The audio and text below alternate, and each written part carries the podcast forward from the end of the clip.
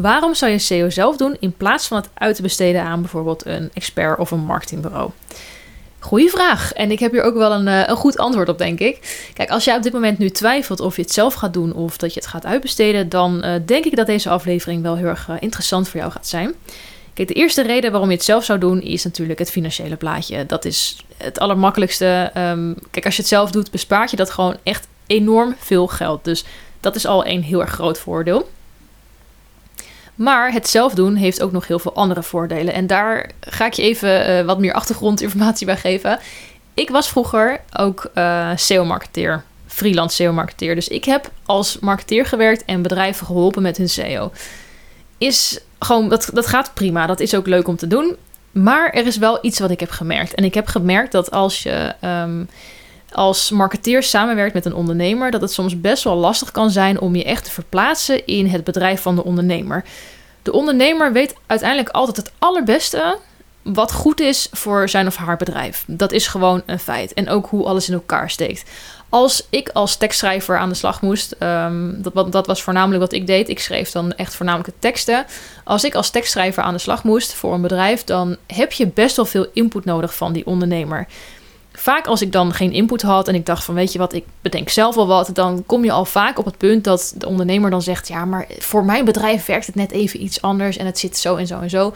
Waardoor ik dus vaak vraag of vroeg aan de ondernemer van, goh, kun je dan even een opzetje maken voor een bepaalde tekst of kun je alvast wat informatie aanleveren of um, wil je even met mij erover meedenken, zodat ik echt kan schrijven wat voor jou interessant en waardevol is.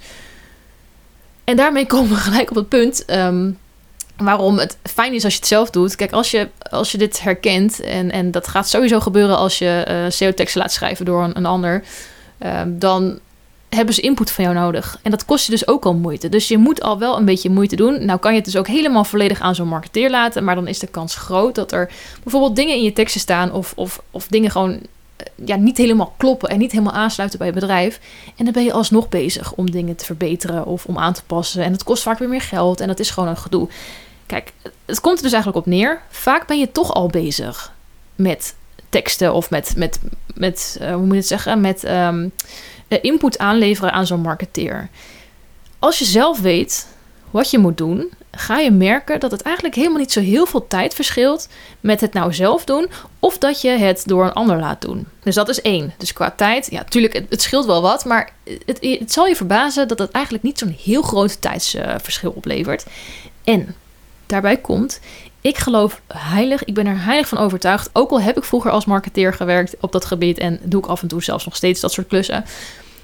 Ik heb gewoon gemerkt dat het altijd het beste is als je als ondernemer zelf aan de slag gaat met SEO en zelf je teksten schrijft. Dus het is voornamelijk op textueel gebied gaat het gewoon een enorme winst opleveren, omdat jij het allerbeste weet hoe je bedrijf werkt. En het allerbeste weet wat je klanten willen en, en hoe je daarop in kan spelen. Dat is gewoon een feit. En dat ga je zo meteen ook merken als je de cursus gaat doen natuurlijk. Dan ga je merken dat het uiteindelijk voor jou best wel makkelijk gaat zijn om, om teksten te schrijven. Want uh, mocht je het niet weten, teksten schrijven is een heel groot onderdeel van SEO. Dus uh, ja, daarom kan ik het je zeker aanraden om het zelf te doen. Uh, maar wat ook natuurlijk gewoon een situatie kan zijn, is dat je, uh, en wat ik ook zeker aanraad, kijk, als jij eenmaal begrijpt hoe SEO werkt, dan gaat het zometeen ook makkelijker worden om het eventueel wel uit te besteden. Dus stel dat je nu zegt van, nou, ik ga het eerst even zelf aanpakken.